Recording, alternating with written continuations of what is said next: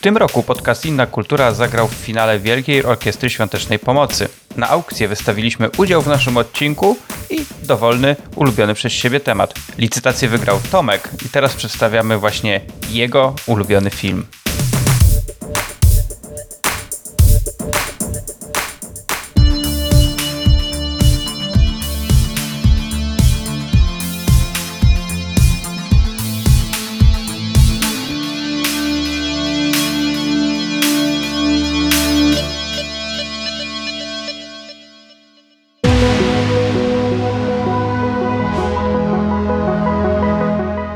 Cześć. W podcaście Inna Kultura od kilku lat dzielimy się naszymi opiniami o filmach i serialach, zarówno tych dostępnych w repertuarze najpopularniejszych kin czy platform streamingowych, jak i pozycji, które zobaczyliśmy na światowych festiwalach filmowych. Jeżeli jesteś jedną z naszych słuchaczek lub słuchaczy, to bardzo Ci dziękuję, ponieważ bez Ciebie nie byłoby innej kultury.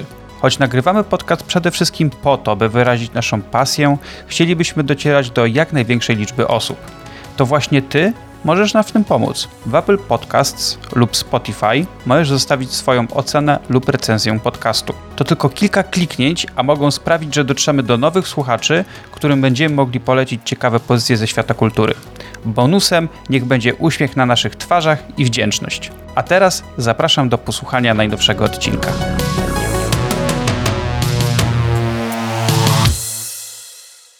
Dzień dobry, witamy bardzo, ale to bardzo serdecznie w 162 odcinku podcastu Inna Kultura.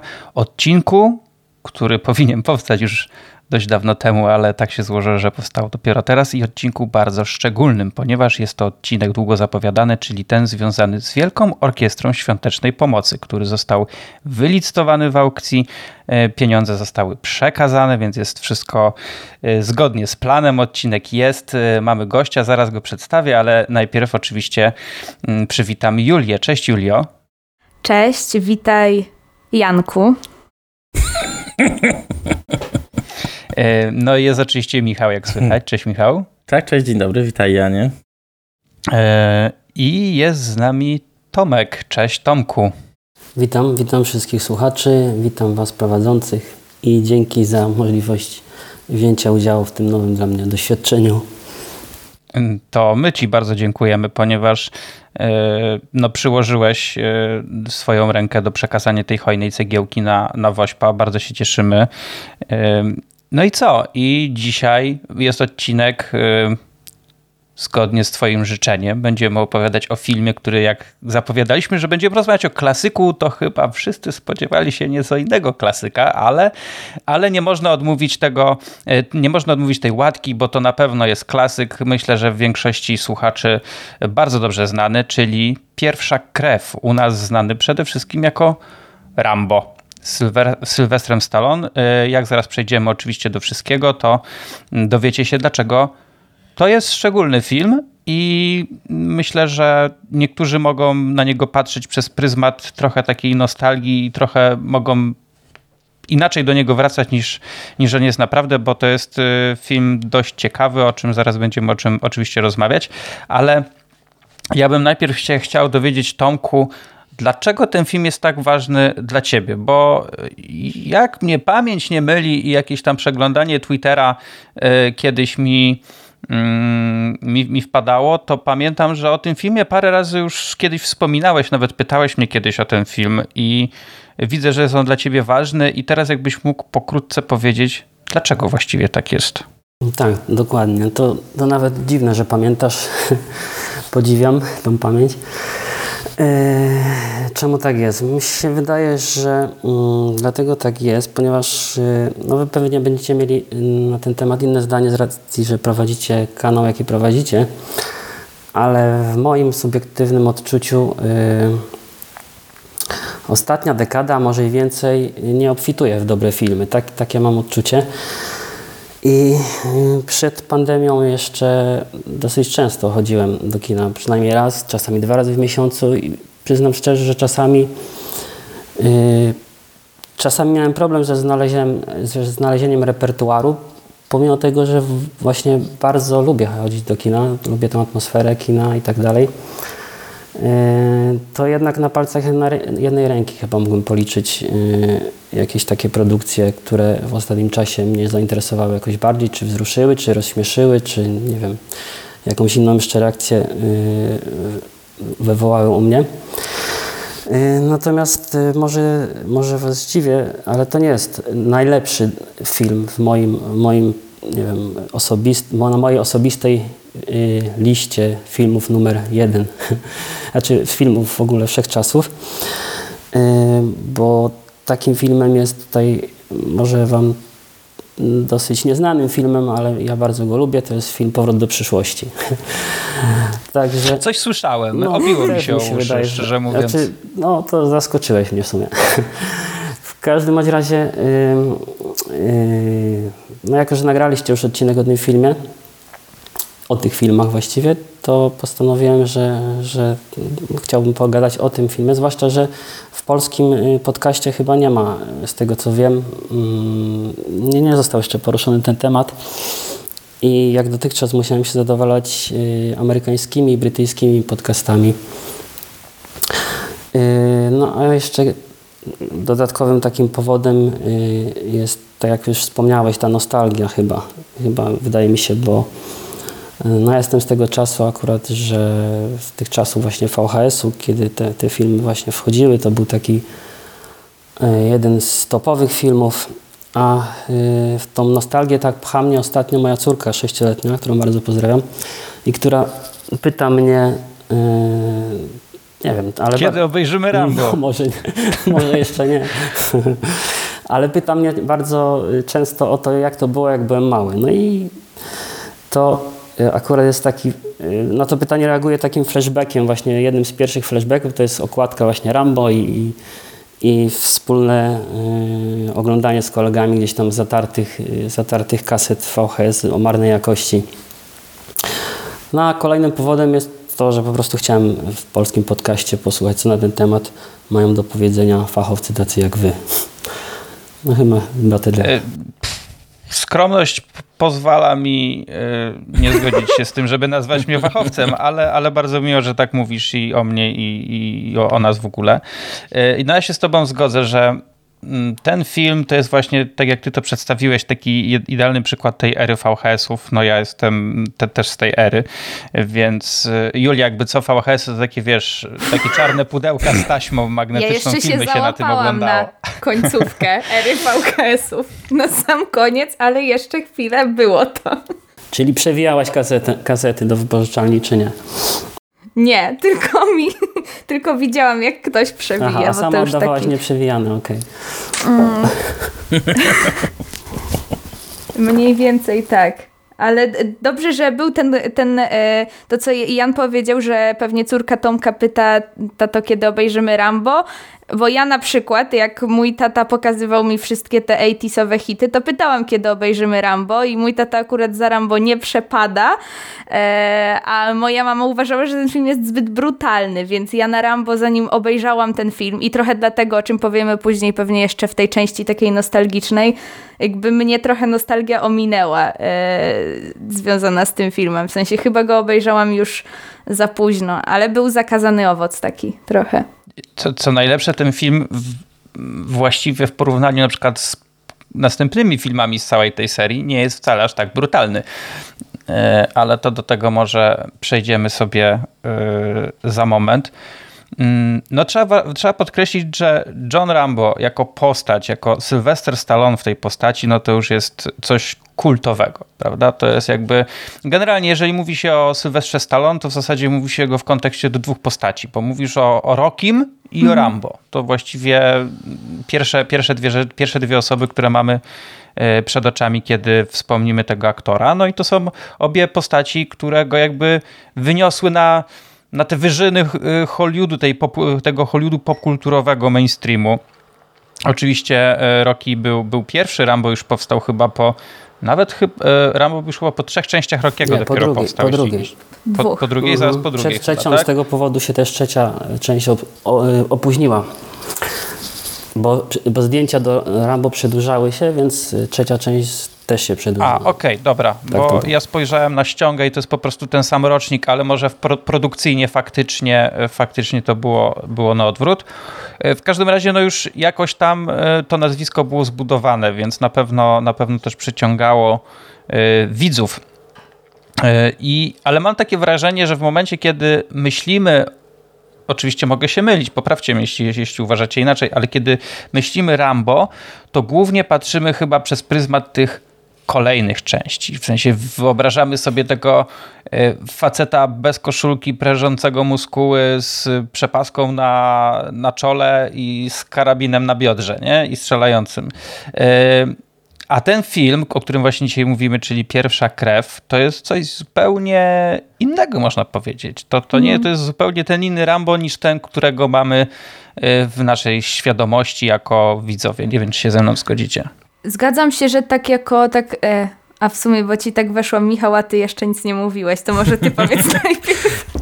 To ja powiem tak, bo ja akurat tam idealnie do tego, do tego wątku, że jak został jakby w kulturze się opatrzył i jakby jak trochę się żyje w, w takim y, podejściu, e, które, które mamy jakby z tyłu głowy właśnie myśląc o tej postaci, e, no to ja na przykład właśnie też, y, też przez lata właśnie też myślałem właśnie tak, tak ty powiedziałeś o tym filmie, właśnie o tym e, y, facecie bez koszulki, który właśnie z karabinem biega przez, przez dżunglę e, i ja właśnie przez wiele, wiele lat w ogóle nie widziałem pierwszej części e, i paradoksalnie widziałem jakby pierwsze spotkanie w ogóle z Rambo jako postacią e, z jakiegoś dziwnego powodu było w, w Rambo 4 który jest jakby zupełnie diametralnie odmienny od całej tej reszty serii, jakby jest też takim trochę e, w jakiś sposób e, zaprzeczeniem to nie, ale jakby takim jakby pójściem zupełnie w inną stronę e, ukazania tej postaci, więc teraz jak zobaczyłem właśnie e, pierwszą krew, to jakby byłem zaskoczony jakby jakiego rodzaju to jest film w ogóle, jakby jak e, są rozłożone akcenty, jak bardzo jest taki dramatyczny, jak on bardzo jest w ogóle nastawiony na,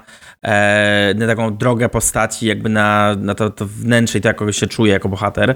I jakby, że nie ma takiego właśnie tego tej nadekspresji, tego ekscesu po prostu y, krwawego, który właśnie w, mam wrażenie, że jakby w czwórce był aż nadmierny, tak? Jakby ta seria poszła w taką, e, w taką stronę, która po prostu y, właśnie poszła w taką w cudzysłowie krwawą jatkę, co właśnie zaskakuje patrząc właśnie od jakich początków się zaczęła. E, więc, więc to jest też właśnie ciekawe, że właśnie ten obraz został w popkulturze tak mocno y, zarysowany, kiedy ten pierwszy film jakby zupełnie jest w innym, w innym stylu, tak? On jest jakby bardziej skupiony na tym, że, e, że mamy właśnie człowieka kontra, kontra jakąś społeczność, która go nie akceptuje i teraz właśnie oglądając ten film byłem na przykład bardzo zaskoczony jakby w zasadzie dlaczego oni, jakby, dlaczego oni tak bardzo go odpychają, tak bardzo go nie chcą, tak? To jest jakby cały, cały mm, temat y, szerszy w ogóle o spojrzeniu na, na weteranów wojennych w Ameryce, ale to było po prostu dla mnie zaskakujące, że no facet sobie idzie drogą, oni w zasadzie nagle robią tutaj wielką, wielką rozróbę i całe miasteczko jakby jest przeciwko niemu, tylko dlatego, że no chciał zjeść sobie obiad, tak, będąc w, w małej mieścinie. Więc jakby to mnie zaskoczyło, jakby jaki jest ten punkt wyjścia tej całej opowieści, która się potem snuje przez wszystkie, przez wszystkie, przez wszystkie filmy.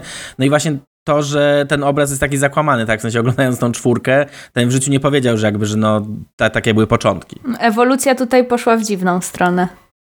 Tak. Tak. i stała się niejako nawet zaprzeczeniem tego, o czym ten film był, prawda? Tak, tak. Bo ten film w zasadzie, i też książka, bo, bo ten film powstał na podstawie, na podstawie książki y, Davida Morella. Y, I y, to właśnie opowiadało, miał być też taki trochę taki bunt przeciwko, te, przeciwko też taki trochę antywojenny, a i, to, i pokazanie tego, co wojna robi z ludźmi. No a potem już poszliśmy w kierunku generalnie jednej wielkiej wojny na ekranie i faktycznie czwórka Michał to chyba było to w Birmie, e, tak? Jeśli dobrze Tak. pamiętam. O, to tam to się, tam się działo. O, tam, to... No i tam właśnie nam się, tam flaki latały na prawo i lewo, to było po prostu takie aż przerysowane tak do bólu, w sensie, bo to już było w takim, w takim stylu, w którym jakby to już było tak karykaturalne, że właśnie nie ruszało na, w sensie to było niewiarygodne, w sensie nie, nie było widać tego no, Antywojennego masakry wo- manifestu. To też, ale nie było też widać jakby tego, jak bardzo wojna wpływa, bo jak jest przerażająca. Tylko to po prostu było, poszło w taką stronę na takiej po prostu popotoczki, która po prostu no, przesady dla przesady. I to było aż takie, no, dlatego tym bardziej zaprzeczenie tego, co, co jakby tutaj seria rozpoczęła. Więc jakby to mnie też bawi właśnie, że jakby to było moje pierwsze spotkanie, bo ja właśnie akurat Tutaj jeszcze, e, jak wspomniałem o książce, to tak właśnie w zestawieniu z filmem, e, bo ja tą książkę jakoś dawno, dawno temu czytałem. Ona jest dosyć krótka, bo ona tam ma chyba, nie wiem, ze 150 stron czy coś takiego. E, to no, książka jest też trochę inna. Książka jest dosyć yy, bardziej brutalna i krwawa, bo o, do tego zaraz jeszcze przejdziemy i do samej fabuły, ale no, w filmie tak naprawdę dużo osób nie ginie, bo w zasadzie mm. ginie chyba jedna osoba yy, yy, i to też dosyć przypadkowo. no a w książce to tam Rambo robi to, do czego został wyszkolony, e, więc też ciekawa droga, mm, że twórcy filmu postanowili trochę, trochę to zmienić, tą postać też delikatnie inaczej pokazać, ale dobra, to przejdźmy może mm, już do samego filmu i tego, o czym on właściwie opowiada, bo Myślę, myślę, że raczej e, większość e, słuchaczy jest e, zaznajomiona z tym filmem, ale możliwe, że, że oglądali go dawno temu, albo na przykład tak jak Michał jakoś im ten film umknął. Jak, jak ty, Michał, już wspomniałeś, no, jest bohater, jest weteran wojenny, który idzie sobie w jakiejś małej mieścińce, to się bodajże dzieje gdzieś tam w stanie Waszyngton. E, przy, przybył tam w okolice, żeby spotkać swojego dawnego przyjaciela z wojska, ale dowiaduje się, że niestety on zmarł, więc rusza dalej w drogę. On prowadzi takie życie takiego tułacza, można powiedzieć, tak? E, wędru, wędruje sobie właśnie od miasta do miasta.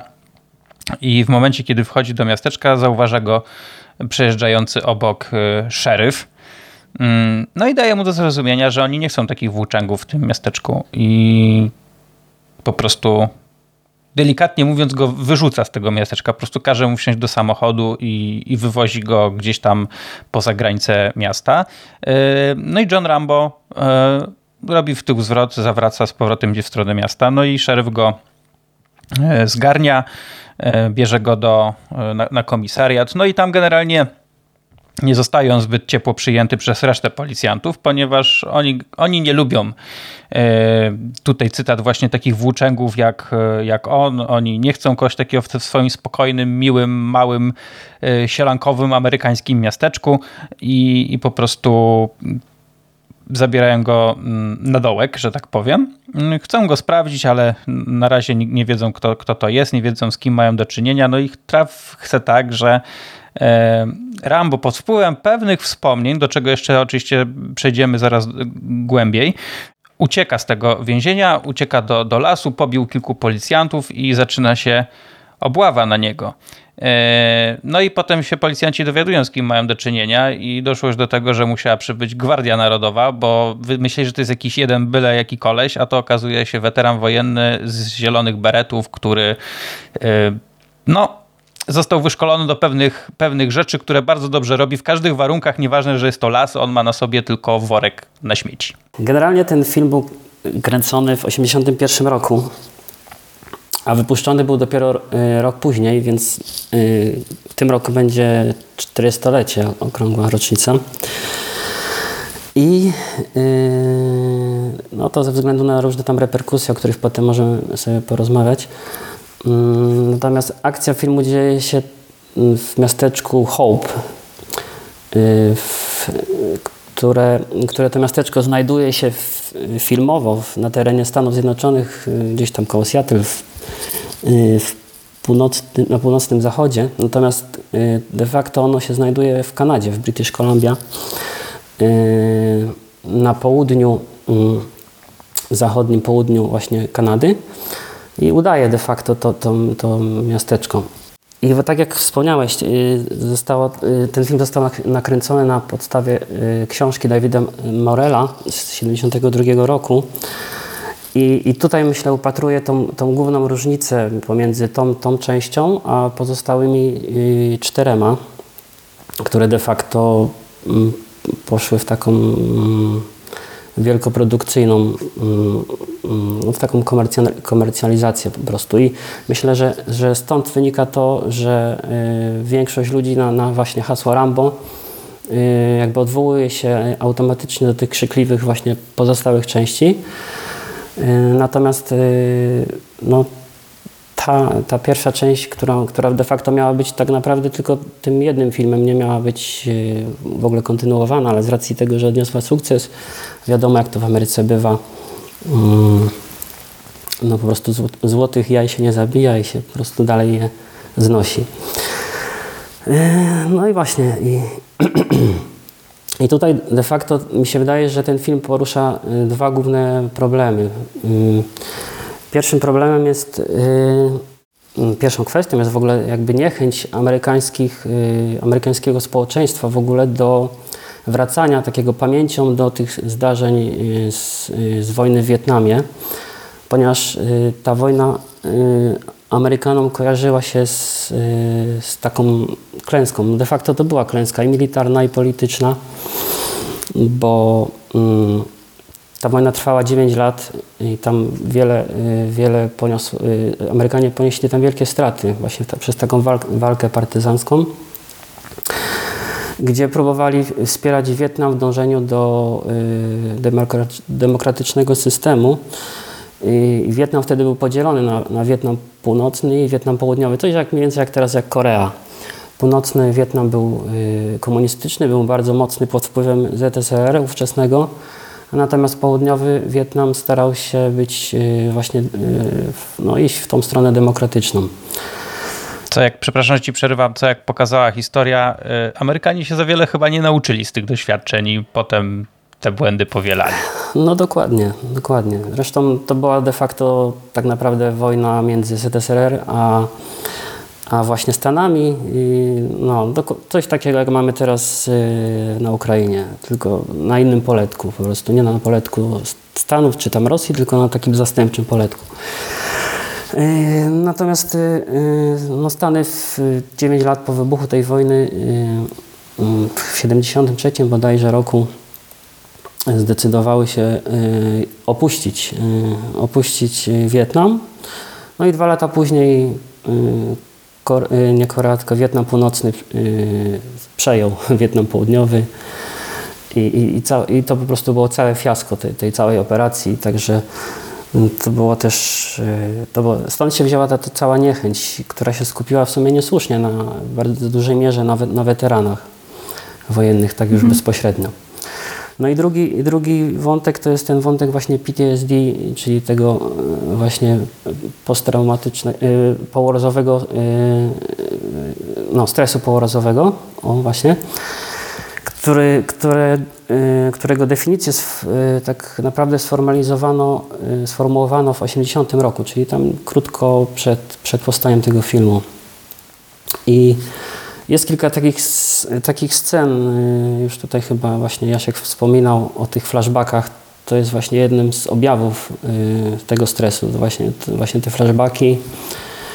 Y, Czy, czy chociażby ostatni monolog, w którym dokładnie John opowiada o tym, no na podstawie tego, co mówi, dokładnie można wywnioskować to, że właśnie no, ten stres to, y, jest, jest jak- jakby jego udziałem, cały, cały czas to w nim, w nim siedzi. Nie?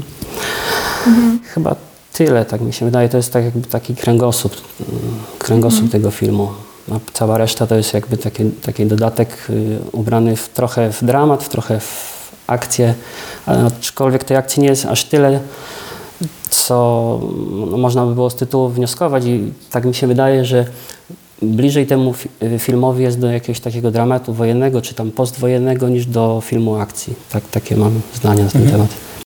No, On jest gdzieś tam faktycznie e, ważnym znakiem na e, tej, tej, tej ważnej kulturowej mapie pod tytułem e, takie reperkusje w społeczeństwie amerykańskim, czy raczej w tej świadomości e, społecznej właśnie po wojnie w Wietnamie, czy, czy jeszcze w jej czasie, bo jednak em, tak naprawdę Amerykanie nie mieli e, tak dużego e, ruchu dotyczącego wojny w trakcie II wojny światowej. E, je- Jeśli chodzi w, w kulturze II wojna światowa amerykańskiej, tak paradoksalnie odbiła się mniej brutalnie, również ze względu na wówczas e, panuj, obecny e, czuwający kodeks Heisa. E, nie odbiła się tak jak e, wojna w Wietnamie i gdzieś tam faktycznie Rambo jest na tej mapie e, filmów filmem w pewien sposób wyjątkowym, choć zastanawiam się, czy właśnie nie ze względu e, na to,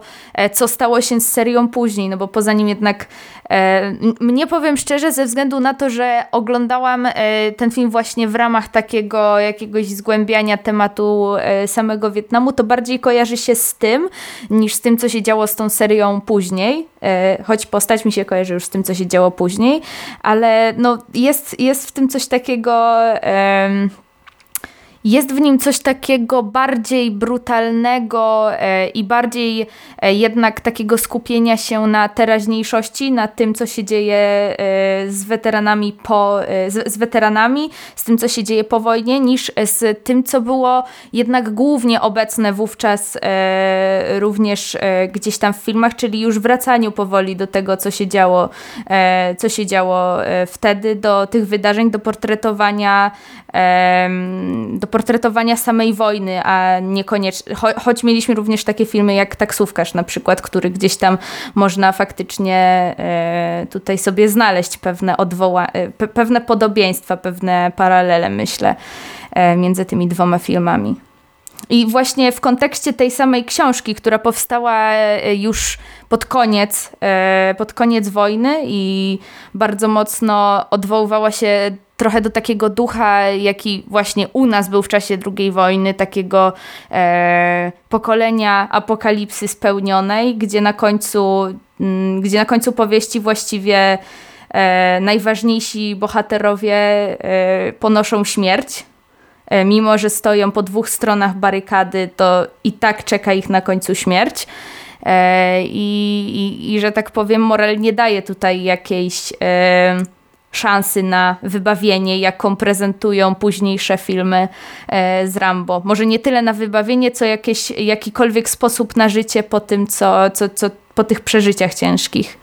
I myślę, że to też jest gdzieś tam ważny zwrot, e, który, który trochę tą postać odwrócił od, od, jej, od jej przeszłości ukazanej w pierwszej krwi. No, no to, co mi się też podoba w sumie właśnie w tym w sposobie, w którym jest ta historia opowiedziana, e, to trochę jakby właśnie nawiązując do tego, co wy już powiedzieliście e, pa, parę razy, e, ale właśnie do tego, że trochę to też trochę pokazuje właśnie z jednej strony, jak Amerykanie trochę nie chcieli e, spoglądać na te wydarzenia przeszłości, spoglądać na tą właśnie taką porażkę wojenną i dlatego oni w zasadzie jakby tutaj odrzucają tego bohatera i marginalizują go, bo jakby wiedzą, że e, jakby jest ten, ten szerw, jak trochę się spodziewa, że on jest osobą, która E, wprowadzi tutaj w ten uporządkowany świat e, miasteczka jakąś taką, taki pierwiastek niepokoju, bo on jakby po jego wyglądzie czuć, że on rzeczywiście mógł być, mógł być byłym żołnierzem, czuć, że jest jakąś taką osobą, która może wprowadzić więcej e, no, takich niebezpiecznych sytuacji w to, co tam się dzieje w tym miasteczku. I właśnie to jest takie spojrzenie takie odwrócenie oczu Amerykanów na to, że co robili w trakcie tej wojny i odwrócenie na to, że jakby są te reperkusje, także musimy poradzić sobie z konsekwencjami. Taka próba trochę zmiecenia pod dywan tego, że musimy sobie poradzić właśnie z, z w ogóle ze wszystkimi weteranami wojennymi, którzy wrócili, którzy mają problem, e, którzy jakby muszą się odnaleźć w tej nowej rzeczywistości, ale nie umieją. Równolegle mam też wrażenie, że to też z perspektywy samego bohatera też jest ciekawe, że właśnie to pokazuje jakby jak bardzo nie można uciec od tej przeszłości, uciec od tej historii, no bo nawet w sytuacji, w której jest w takim miejscu, które by e, z zewnątrz wyglądało na spokojne i ciche i jakby mogło mu zapewnić miejsce do odpoczynku, nagle się okazuje, że jakby przez to, że on jest jaki jest, to nagle powtarza się w rzeczywistości znowu konflikt zbrojny tak naprawdę. W sensie przez to, że jakby on no, przeżywając te wydarzenia wojenne, jakby się, trzyma, je, trzyma je w sobie i w jakiś sposób je manifestuje na zewnątrz, więc ludzie jakby reagują na to też agresją od razu i jakby to się nakręca. W sensie, że to jest taka spirala tego, że właśnie jak bardzo wojna wyniszcza, że jakby to się cały czas, jakby nie ma drogi ucieczki. W sensie, że to będzie się powtarzać w kółko. W sensie, ja to, czy to mi się podobało w tym filmie, że jakby właśnie on szukając tego miejsca spokoju, w którym będzie mógł wreszcie odpocząć i jakby no życie po prostu napić się tej kawy, zjeść, zjeść e, to ciastko, po prostu nagle musi na nowo, na nowo przeżywać e, oblężenie wojenne, tak? I musi walczyć z ludźmi, musi walczyć o życie po, ponownie. E, I właśnie tylko tak naprawdę tylko dlatego, że, e, że coś mu się, że, że komuś się nie spodobało coś w jego zachowaniu. E, I to jest też takie przerażające właśnie, że no właśnie, że ta wojna po prostu jakby no zostaje, zostaje z nami jakby i ma wpływ na nasze życie, tak nawet jak ona się zakończy, to i tak jakby na reperkusje są bardzo, bardzo długie, bardzo długi jest ten proces wychodzenia i właśnie e, nie należy jakby odwracać wzroku, tylko właśnie trzeba no po prostu usiąść, porozmawiać, jakby wprost, jakby przeżyć tą traumę, jakby żeby móc z niej wyjść. Dlatego na przykład właśnie teraz no, ten monolog, o którym ty mówiłeś, e, Tomek, na końcu, on jest dla mnie no, piorunujący, w sensie on jest jakby, on jest z jednej strony niby prosty, w sensie przynajmniej z perspektywy naszej, teraz rzeczywiście opisuje dokładnie po prostu objawy PTSD, ale jakby to, co tam pada, po prostu jest jakby rzeczywiście no, bardzo przejmujące, tak? I jakby to jest właśnie ten element, w którym jakby wreszcie może dojść do jakiegoś e, porozumienia, jakiegoś uzdrowienia, tak? Bo też, e, też widzimy, że właśnie to jest ten moment, w którym on wylewa w zasadzie wszystkie, wszystkie swoje problemy z siebie, no to jest ten moment, w którym jakby może rzeczywiście wreszcie po całej akcji tego filmu wyjść jakby nie będąc, ludzie do niego nie strzelają w tym momencie, także może wyjść bezpiecznie e, z budynku. Więc jakby to jest też takim, e, mam wrażenie, taką e, no, taką diagnozą, że właśnie no po prostu trzeba, no niestety traumy trzeba przerabiać. W sensie musimy, żeby móc jakby je, o nich zapomnieć, móc nie powtarzać tych błędów, to musimy jakby no stawić im czoła i patrzeć jakby prosto, e, prosto w to lustro, obejrzeć się co, co, jak, co robiliśmy, jak to wyglądało. I ważne, żeby ten ten, film- kolektywny czynnik w tym był. Mhm. I to właśnie jakby ten film super robi, bo jakby rzeczywiście y, w tym kontekście ten antywojenny e, wydźwięk jest jakby bardzo mocny, tak? Bo jakby widzimy do czego doprowadza to, e, że jeśli nie poradzimy sobie z, z tymi konsekwencjami, jeśli nie domkniemy tego tematu, tylko on będzie właśnie w jakiś sposób, e, w jakiś sposób zamknięty. No. No tak, no właśnie to, co powiedziałeś, yy, że, że, że to jakby z chwilą yy, końca tej wojny, to wcale nie, nie było tak, że, że ta wojna dalej w nim nie pracowała. Zresztą właśnie tak jak w tym mo- monologu mówi, nothing is over, czyli to cały czas w nim jest, nie? I, to właśnie ten, ten, ten, generalnie ten monolog, y, dla mnie on zawsze, kiedy go oglądam, on, on, on mnie bardzo porusza i, i, i wzrusza. Y, I, i, i tak y, uważam zresztą, że, że mm, jakby tu w tej scenie też widać, y, nie wiem czy mogę do tego teraz przejść, ale cały, tak mi się wydaje, że, że y, Sylwester miał w swojej, w swojej karierze niewiele takich momentów, gdzie mógł pokazać y, jakby swój warsztat aktorski i nie wiem jak wy to odbieracie, ale, ale ja uważam, że akurat w tej scenie, mimo że, że tak jak mówisz, ona była dosyć, dosyć prosta i ten monolog był dosyć prosty, to jednak y, to, w jaki sposób on to zagrał, w jaki sposób y, no, technicznie to zagrał i, i w ogóle emocjonalnie, no, to pokazuje, że, że zresztą tak jak kilka lat temu powiedział, że sam o sobie, że, że żałuje, że nie, nie przyjmował większych, większych takich i więcej w ogóle takich ofert z typu Cop- Copland czy no może Copland właśnie takim filmem, chociaż dosyć, dosyć nudnym, to jednak y, no, też pokazywał jego możliwości, także. Właśnie dla mnie paradoksalnie w tym filmie wszystkie jego niedoskonałości jakieś aktorskie typu, typu jakby on średnio akurat pracuje z mimiką, choć w tej scenie akurat tego jakoś to wychodzi, to, to, to, to tak normalnie to Stallone jakoś e, nie do końca w tym, w tym mam wrażenie sobie radzi, to akurat tu wychodzi na plus. Dzięki Mhm. temu ta, e, ta, ta rola jest jeszcze, jeszcze lepsza i lepiej wypada e, w kontekście całego filmu i tych skrywanych gdzieś tam pod skórą traum i takiego wyłączenia emocjonalnego gdzieś. Więc to faktycznie, tak jak Tomek mówisz, coś w tym jest. mhm. Dobrze tego typu sceny i tego typu role paradoksalnie na starość zaczęły wychodzić, ponieważ te wszystkie, e, czy ostatni Rocky, czy, czy filmy z serii Creed, on tam, on tam potrafi naprawdę e, fajnie emocje pokazać i nawet tym, co ty Julia mówisz, tym swoim, e, ta jego niedoskonałość w mimice wychodzi, wychodzi na plus, ale odwołując się jeszcze do tej sceny mono- monologu, to ona jest o tyle i to trochę tak rozwinę to, co, co Michał wspomniał, że takie spuszczenie pary, to właśnie ciekawie to wybrzmiało, bo on w zasadzie przez cały film mówi niewiele, prawda? On mhm ma kwestie raczej bardzo krótkie, albo, albo w zasadzie sceny są be, bez, jego, e, bez jego dialogów. No i na koniec on spuszcza z siebie to wszystko, więc faktycznie to bardzo mocno wybrzmiewa emocjonalnie. E, ja, ja jako ostatnio powtarzałem ten film, ja go nie widziałem ładnych parę lat i e, i tu się przewija właśnie to, co, co wielokrotnie już na pewno mówiliśmy o, o różnych tematach, jak, mm, jak po prostu z perspektywy czasu inaczej może z nami coś e, rezonować. I ja, pomimo tego, że zawsze ten film lubiłem, to, to teraz go odebrałem znowu inaczej.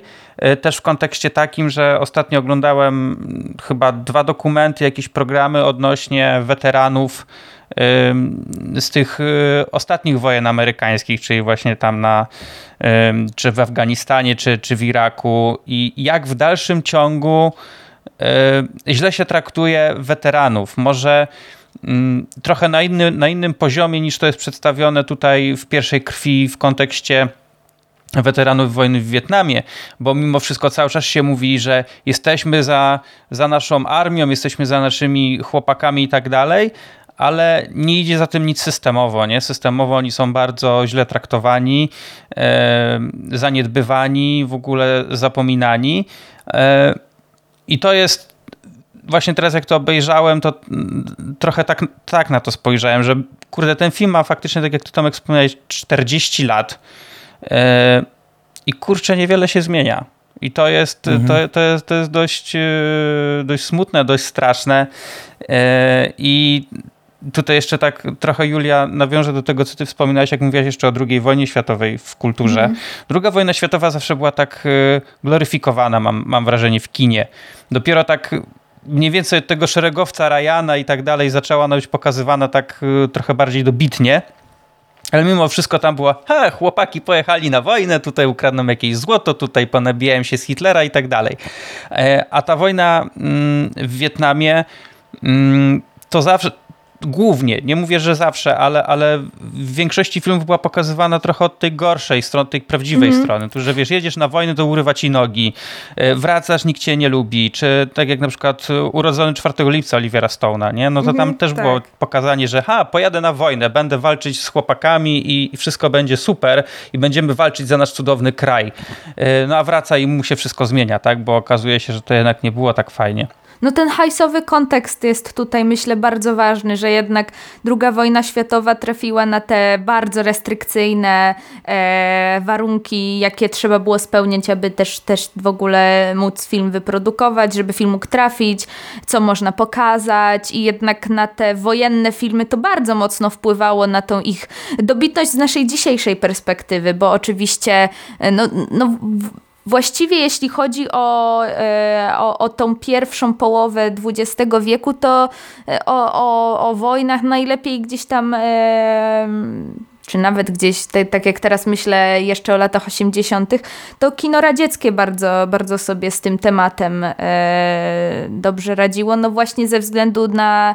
I z dzisiejszej perspektywy to jest kino znacznie mocniej oddziałowujące e, na, na widza niż kino amerykańskie tamtych czasów, a właściwie wojna w Wietnamie trafiła e, w okres idealnie po zniesieniu e, kodeksu, idealnie po e, no, no właśnie po, po, po 69 roku e, i na ten taki e, była elementem takiego e, dość dużego ruchu, czy raczej tematem niż elementem, bo tematem raczej była antyelementem.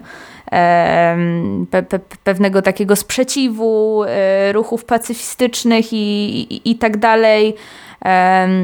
I gdzieś tam, no, no sama późniejsza brutalność kina i taka dobitność, skoro możemy już wszystko pokazywać, to pokazujmy to tak, tak, jak, tak jak jest, e, tak jak było, e, tak, jak, tak jak będzie właściwie, jak się okazuje, a nie, nie bawmy się w żadne robienie teatrzyku dla dzieci, bo nie o to w tym chodzi.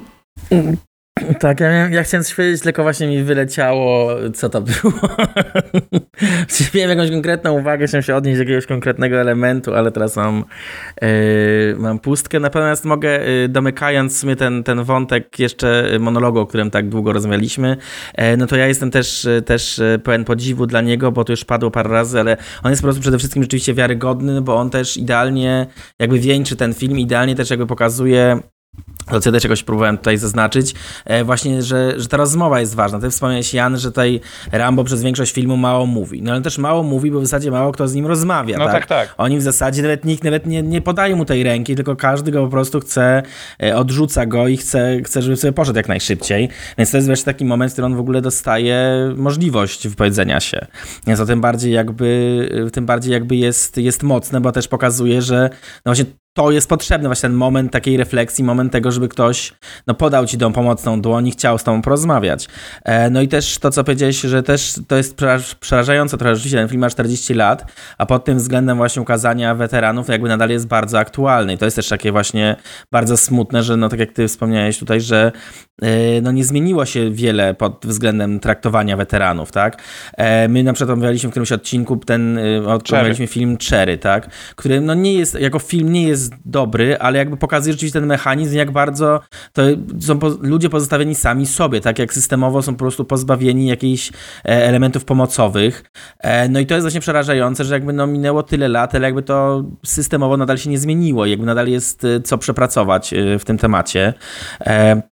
My ostatnio też oglądaliśmy y, film z Johnem Boyegą, który też polega na tym, że e, facet nie dostał, y, nie dostał wypłaty jako weteran wojenny i, i, te, i, też jest po prostu bez środków do życia, tak? I okazuje się, że po prostu w systemie ktoś pomylił, ktoś pomylił 0 i 1 i no nie, nie, nie dostał pieniędzy na czas, tak? I jakby człowiek jest zupełnie pozbawiony środków do życia i nikogo to nie obchodzi, tak? To też jest taki film, który jest właśnie przeciwko temu systemowemu traktowaniu i traktowaniu ludzi jak numerków, tak? No i to jest też przerażające, że no nadal właśnie się nie zmieniają takie rzeczy. No i takie filmy są właśnie potrzebne, żeby no, no pokazać ludziom, jakby no dlatego musimy to zmienić, taki to ma wpływ na człowieka.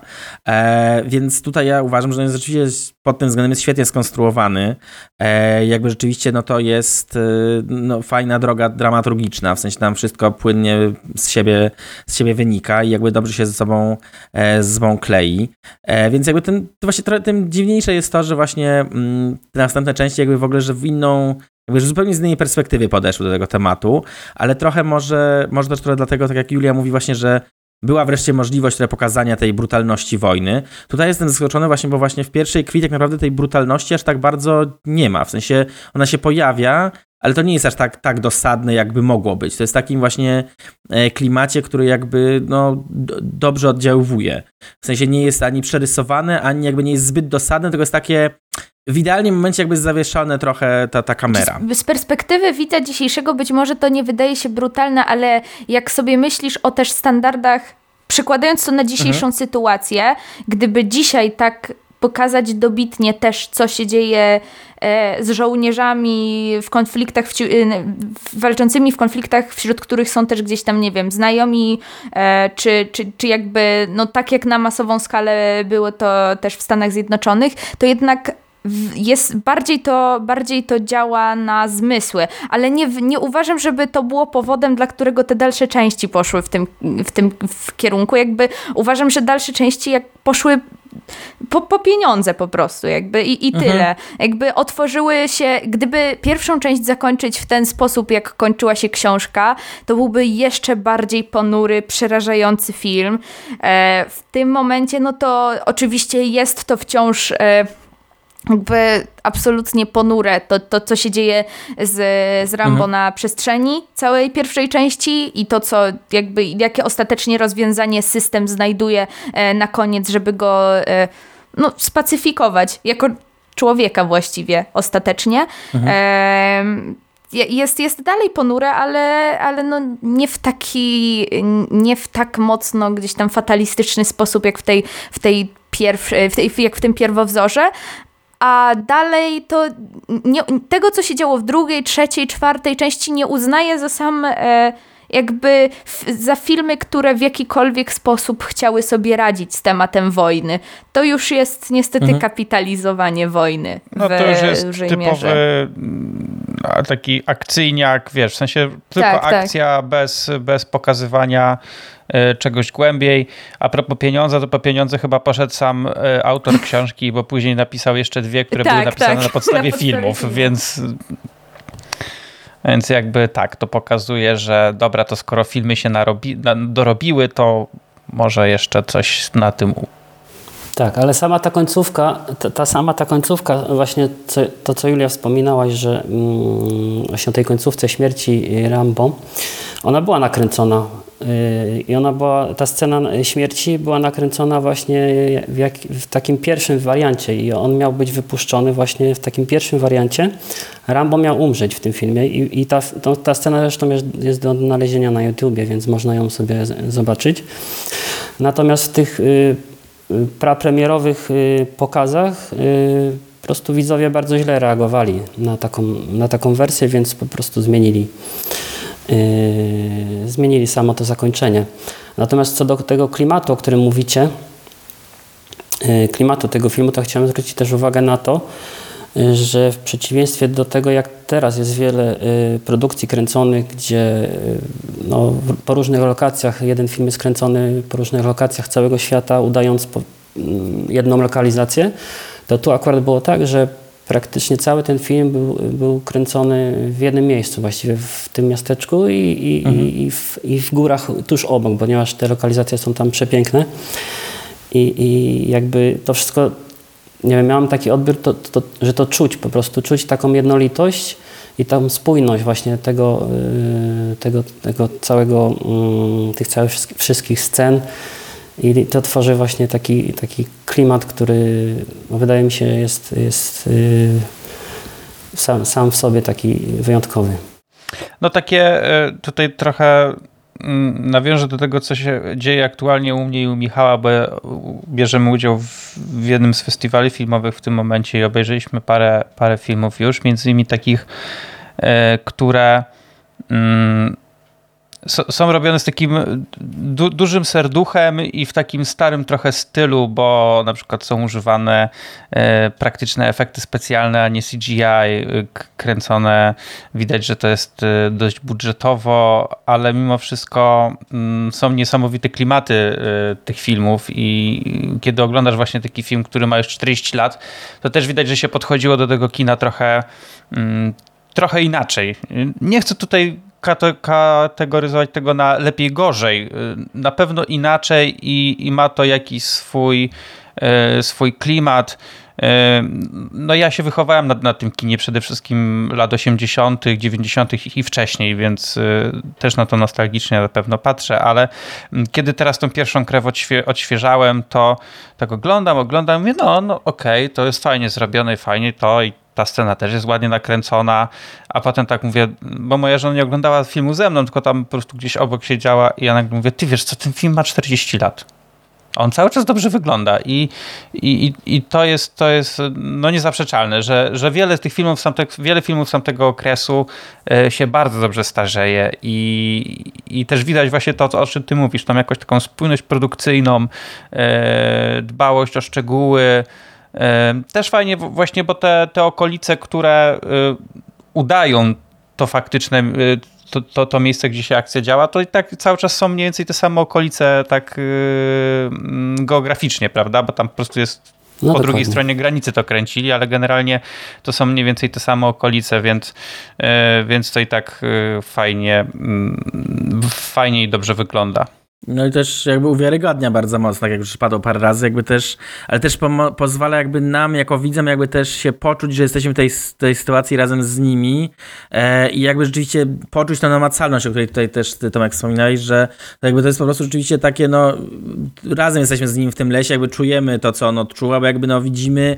właśnie tak naprawdę, że to wszystko jest też e, no na żywo, w sensie, że tam nie ma element, elementów dodanych, tylko rzeczywiście są wszystkie elementy z prawdziwego świata i jakby właśnie nie mamy dodatkowych e, tutaj właśnie nie wiem, efektów specjalnych albo właśnie sfingowania czegoś, tylko rzeczywiście kręcili to e, po prostu no, no w tym lesie. Jakby no, czu, czuć jakby to, tą naturę i to jakby bardzo fajnie e, na nas wpływa. No, a równocześnie mam też wrażenie, że w jakiś sposób trochę uniwersalizuje tą historię, bo ona się takie dzieje w takim miejscu, które on okej, okay, jest określone geograficznie w konkretnym, w konkretnym miejscu w tych Stanach, ale ponieważ właśnie dzieje się w dużej mierze w naturze, to w zasadzie mogłoby się dziać w, w trochę w dowolnym innym miejscu tak naprawdę. W sensie to jest e, bardzo uniwersalne, e, uniwersalna lokalizacja, po prostu e, małe miasteczko i to też jakby też mam wrażenie fajnie wpływa właśnie na ten wymiar antywojenny, że to nie jest jednostkowa historia, tylko no niestety takie sytuacje się mogły zdarzać e, wielu osobom. Znaczy nie mówię tutaj o rozwalaniu całego miasteczka, ale było takiego właśnie o takim podejściu, w którym ludzie są e, zamknięci tak na, na przybyszów z zewnątrz i jak trudno jest właśnie zrozumieć e, kogoś, kto, kto wydaje nam się w jakiś sposób e, niebezpieczny.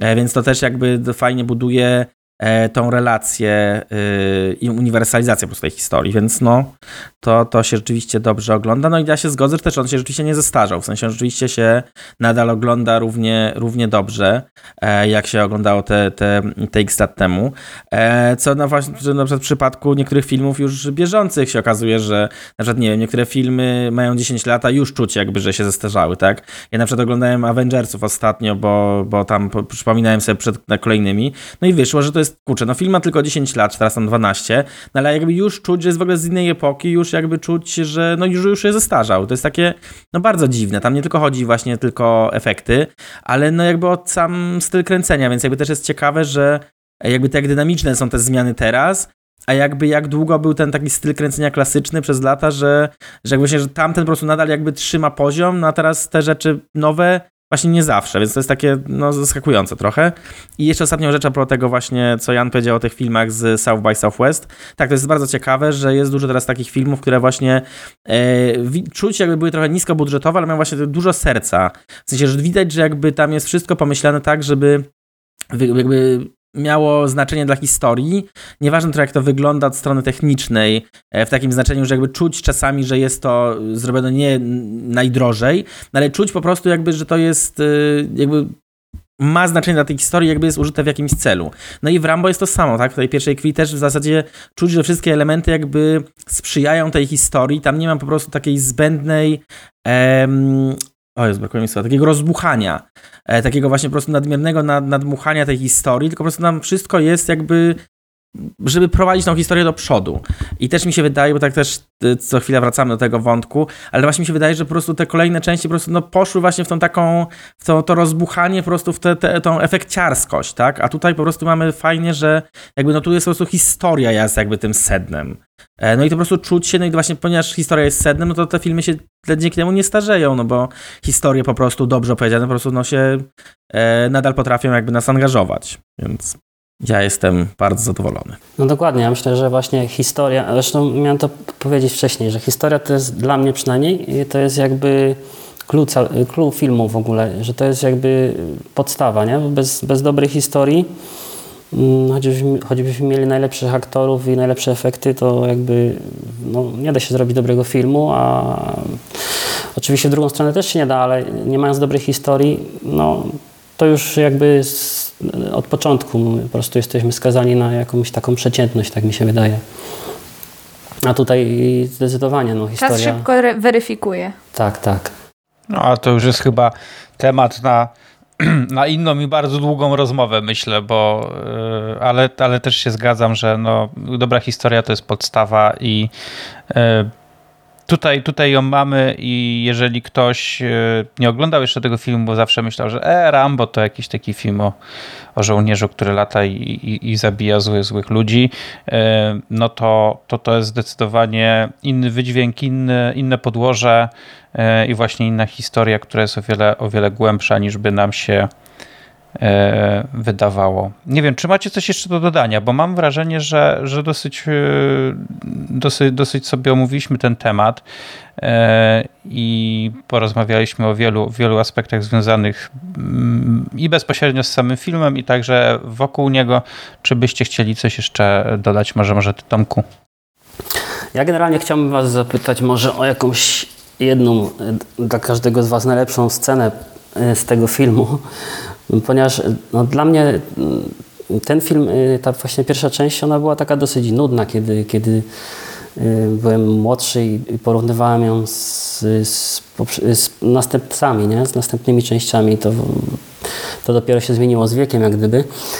Natomiast y, była taka scena, y, która od początku jakby była tak, takim, taką nowością dla mnie, y, no, w, y, takim nowym doświadczeniem w, w kinematografii, w oglądaniu w ogóle filmów.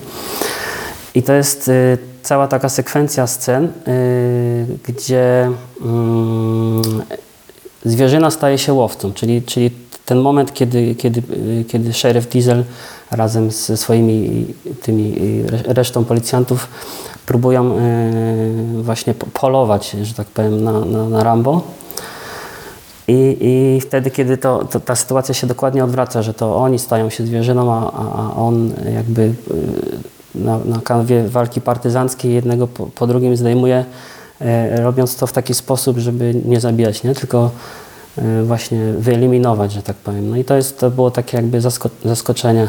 Bo ja, y, no poza tym, że oczywiście powiem y, o tej scenie przemowy z końcówki, no, którą już tutaj wałkowaliśmy 17 razy, to jakby to, to tak i jakby teraz, zaraz przejdę może głębiej dlaczego, ale mi się bardzo podobała e, ta scena właśnie na samym początku filmu, w której y, on spotyka mm, szeryfa. W sensie, bo to jest taka scena, która jakby trochę stawia problem tego filmu i pokazuje e, właśnie to wszystko, o czym rozmawialiśmy, czyli pokazuje właśnie trochę taką no, nieotwartość na drugiego człowieka, tą taką, to takie zamknięcie, niezrozumienie problemu e, i to, to, to właśnie, że, że szeryf w zasadzie każe mu po prostu no, no, wyjeżdżać, tak? w sensie wy- wynosić się i jakby zamiast właśnie podać tą pomocną dłoń, to no, w zasadzie no, dosłownie go wywozi z tego miasteczka. E, I ten moment właśnie tego, o którym już też Jan po- wspominał przy opisie fabuły, tego momentu, w którym on decyduje jednak nie, cholera, zawrócę, bo przecież mam prawo tu być, jakby nie ma prawa nikt mi mówić, co, co mam robić. E, No i ta scena rzeczywiście zrobiła na mnie duże wrażenie, bo, bo było jakby właśnie, zaskoczyło mnie w niej właśnie przede wszystkim to, że jakby że ten zasadzie nie ma żadnego konkretnego powodu, dla którego jakby miałby nie pomóc, tak? Co jeszcze mnie zaskoczyło w tym kontekście, że jako, jako stróż prawa to jakby tym bardziej jakby powinien mieć taką powinność e, do niesienia pomocy ludziom, a, a on właśnie w zasadzie się no, totalnie zamyka i totalnie pokazuje y, postawę odmienną, więc to byłem taki wręcz no, taki po prostu wkurzony, że jakby no kurczę, biedny facet nic nie zrobił, a, a wy się go czepiacie. I to było rzeczywiście fajnie mm, poprowadzone, bo jakby ta scena jest tak dobrze zagrana, że jakby no, budzi takie emocje, w sensie ja byłem taki no, poruszony i taki wkurzony po prostu, że e, na taką niesprawiedliwość świata. E, i jakby to jest też taki zalążek całej tej no, fabuły, całej reszty tej fabuły, takiej jak się ta eskalacja po prostu nakręca, e, ale właśnie to było ciekawe, że jakby e, ten moment, w którym jakby ta eskalacja się nakręca właśnie z takiego niezrozumienia wynika i z tego takiego zamknięcia się na innych, tak? W sensie zamiast właśnie podejść tutaj z otwartością, jakby próbą zrozumienia i spojrzenia na, na świat z innej perspektywy, no to właśnie tego zamknięcia, że no my jesteśmy tą małą społecznością, żyje nam się dobrze, nikt nam będzie nie mówić, co mamy robić, tak?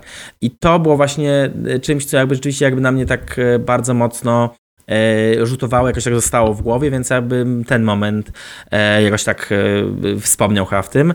No i przemowa tak, ale to już powiedziałem tyle razy i pewnie ktoś jeszcze o niej powie, więc tutaj nie, nie będę dawać nic Tak jak więcej. już mówiliśmy o przemowie, tak też bym wspomniała gdzieś tam tą przemowę po drodze, ale znów jakby jeszcze bardziej, tak już, już dzisiaj po tych, e, myślę, większej liczbie obejrzanych filmów niż, niż jak oglądałam, nie wiem, za pierwszym razem, czy jak gdzieś te takie sceny wywoływały na, we mnie jakieś największe emocje, to dziś na, jako taką najbardziej rozbrajającą scenę wskazałabym sam początek, jak, jak John przychodzi e, i dowiaduje się, że ten jego przyjaciel, którego szukał, nie żyje. I to właściwie. I dla mnie to jest zalążek całego filmu. No że- Julia, teraz żałuję, że nie byłem pierwszy, bo to jest jedna z dwóch scen, no w zasadzie trzech, gdyby liczyć ten monolog, o którym wspominaliśmy, no to w zasadzie... y, A przepraszam, jeszcze tylko wtrącę, bo a propos tej sceny, co Julia powiedziała, to jest y, de facto jedyna scena, w której y, John się chociażby w troszkę minimalnym stopniu uśmiecha przez... No Uśmiecha. i, ko- i Tak. kolejny mi się wcina i ja nie mogę powiedzieć tego, co chciałem. Ale nie tylko w tym filmie, przez wszystkie pięć filmów. On się potem w ogóle ani razu już nie uśmiecha. Także to jest jedyny... Bo, bo faktycznie y, y, ta scena otwarcia w kontekście już jakby po obejrzeniu całego filmu ma bardzo, ma bardzo duży dla mnie wydźwięk, ponieważ właśnie to, co już oboje, oboje wspomnieliście, on wchodzi. E, on tak idzie, idzie, idzie i potem już dochodzi do tego domu, tego, tego swojego przyjaciela i widać na jego twarzy, to generalnie słońca mamy w tym momencie, w tym filmie, a potem to już, to już on zaczyna taki robić ponury, bo ta pogoda się psuje i jest zimno i tak dalej. I on taki widać, taki właśnie zalążek uśmiechu, taki promień na jego twarzy, on, kurczę, spotkam tego swojego przyjaciela. E, I w momencie, kiedy on się dowiaduje, że on nie żyje, to coś w nim gaśnie.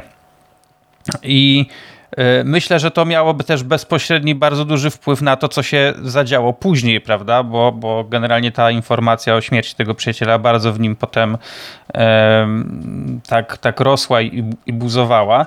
A druga rzecz, która też na mnie robi wrażenie, to jest w momencie, kiedy on już zostaje przywieziony na ten posterunek i mm, policjanci co tu dużo mówić, zaczynają się nad nim znęcać i zaczynają pojawiać się te flashbacki. I my wtedy dowiadujemy się tak naprawdę e, po raz pierwszy, o co w tej historii chodzi. E, I, i to. I to są takie dwie, dwie rzeczy, poza tym oczywiście tym końcowym monologiem, które najbardziej we mnie e, jakby tak wywołują jakieś emocje w tym filmie. Bo wszystko to, co się dzieje później, to już jest jakimś takim bezpośrednim rozwinięciem tych, tych dwóch rzeczy. Ale to jest taki początek, kiedy, e, kiedy cała ta historia jakby się rodzi i, i ma szansę pójść w nas dalej. W czymś się zgadzamy choć raz. Ach, no czasami trzeba. Zazwyczaj nie zgadzamy się dla zasady. Nawet zepsuty zegar e, bije. Ciekawe porównanie bym powiedział. Czy to Ciekawe. o mnie, czy o Janku, to już yy, dla dowolność, że tak powiem. Przekonacie się za kolejne 100 odcinków. E, no więc tak, Tomku, no więc odpowiedzieliśmy na twoje, no dziękuję wam bardzo. To, na, twoje pytanie. To było bardzo ciekawe. E, mamy, mamy nadzieję, że wyczerpująco i, i satysfakcjonująco. E, ale e, ja też ci chciałem e, za coś podziękować, ponieważ e, jakby ten odcinek był okazją właśnie obejrzenia po raz kolejny tego filmu, albo pierwszy raz, tak jak w przypadku Michała. E, I, i po, nie, nie, nie, mówię. Ja to lubię, jak ty zawsze na koniec tak zdradzasz wszystko. Ja tu próbuję ograć to w Ale bardzo często ten, jest nie, tak, że jak my oglądamy jakiś starszy film niż ostatnie 10 lat, to ty oglądasz go za pierwszym razem. To nie moja wina. Pojazd to... Jakby.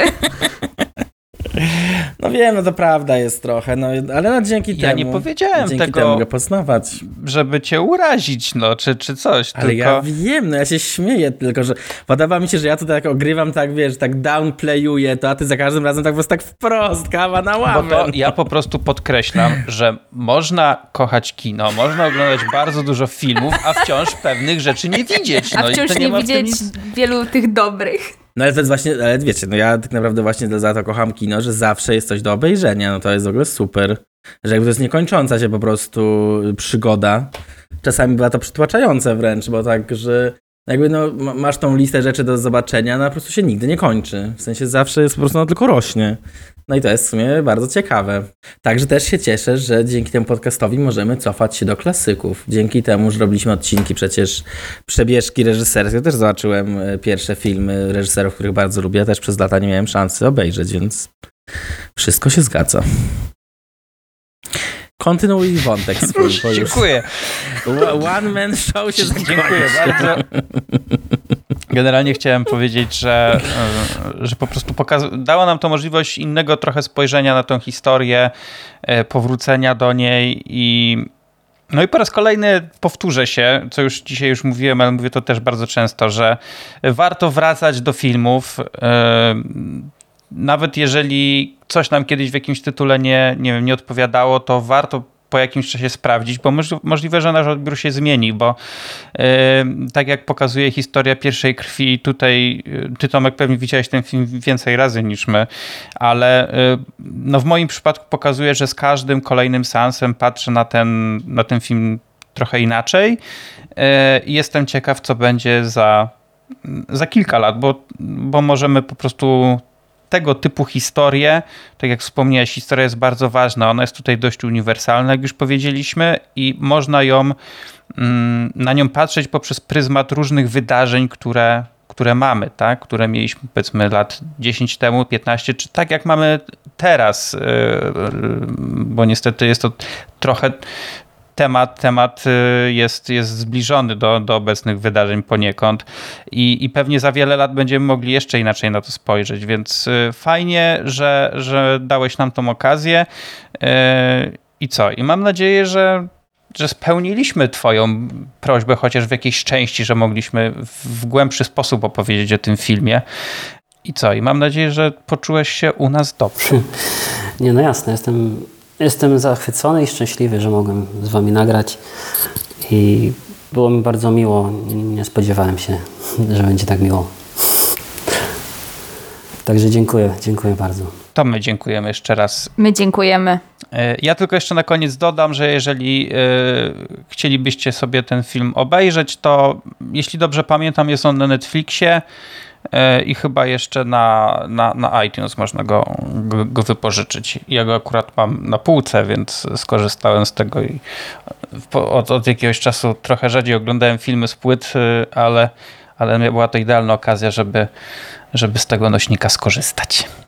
Wreszcie kolekcję tutaj odpalić, a nie tylko stawiać na, na Ale półeczce. e, pomyśl sobie, że to jest dość ciekawe, bo ostatnio e, tutaj jeszcze taki, taki mały off-top na koniec e, na naszej grupce takiej e, tej festiwalowej aktualnej ja powiedziałem, że a w weekend nie chce mi się tam oglądać jakiegoś filmu, puszczę sobie Drive i od razu kolega a gdzie Drive można obejrzeć, bo tego filmu de facto nigdzie nie ma na żadnym streamingu i ja się ucieszyłem, że mam go na półce. Nie muszę być tutaj skazany na na, Na łaskę tych- dystrybutora. na łaskę Tak. dystrybutora streamingowego, tylko mogę sobie po prostu wziąć z półeczki i odpalić, więc to Ale też ja ci też gratuluję, że masz taką, e, no, taką e, czystość w tym i ułożone, w sensie, że wiesz, gdzie te filmy są, bo ja na przykład też mam trochę filmów na płytach, ale znalezienie czegokolwiek to graniczy z cudem czasami po prostu, więc ja go gratuluję tego ja mam, katalogowania. ja mam na półkach nawet albo tematycznie, albo reżysersko, albo aktorami poukładane Jakby różnie. nie od dziś wiadomo, że w naszej trójce Jan jest tą zorganizowaną osobą. Jakby. i- Tak. No. Ale wchodzimy już na tematy, y, które możemy zostawić na inny raz. y, Także y, bardzo Wam wszystkim dziękuję. Dziękujemy Tomku jeszcze raz. y, Nie tylko za udział w odcinku, ale za to, że, że przyczyniłeś się do tego, że ten odcinek y, powstał. Dziękujemy Ci za Twoją hojność dla Wielkiej Orkiestry Świątecznej Pomocy. W przyszłym roku planujemy powtórzyć akcję, może trochę inaczej, ale, ale myślę, że ją powtórzymy, więc w razie czego pogadamy o Rambo 2. No i dziękujemy też za cierpliwość, bo tutaj różne wydarzenia przedłużały nasz moment y, startu tego odcinka, no ale się udało, więc dzięki za to też. No ja to zrozumiałe. Dobrze, więc ja bardzo wszystkim słuchaczom dziękuję. To był 162 odcinek podcastu Inna Kultura, w którym rozmawialiśmy o pierwszej krwi w ramach akcji mm, grania naszego podcastu dla Wielkiej Orkiestry Świątecznej Pomocy. Słyszymy się niedługo w następnym odcinku. Do usłyszenia. Do usłyszenia. Do usłyszenia. Do usłyszenia.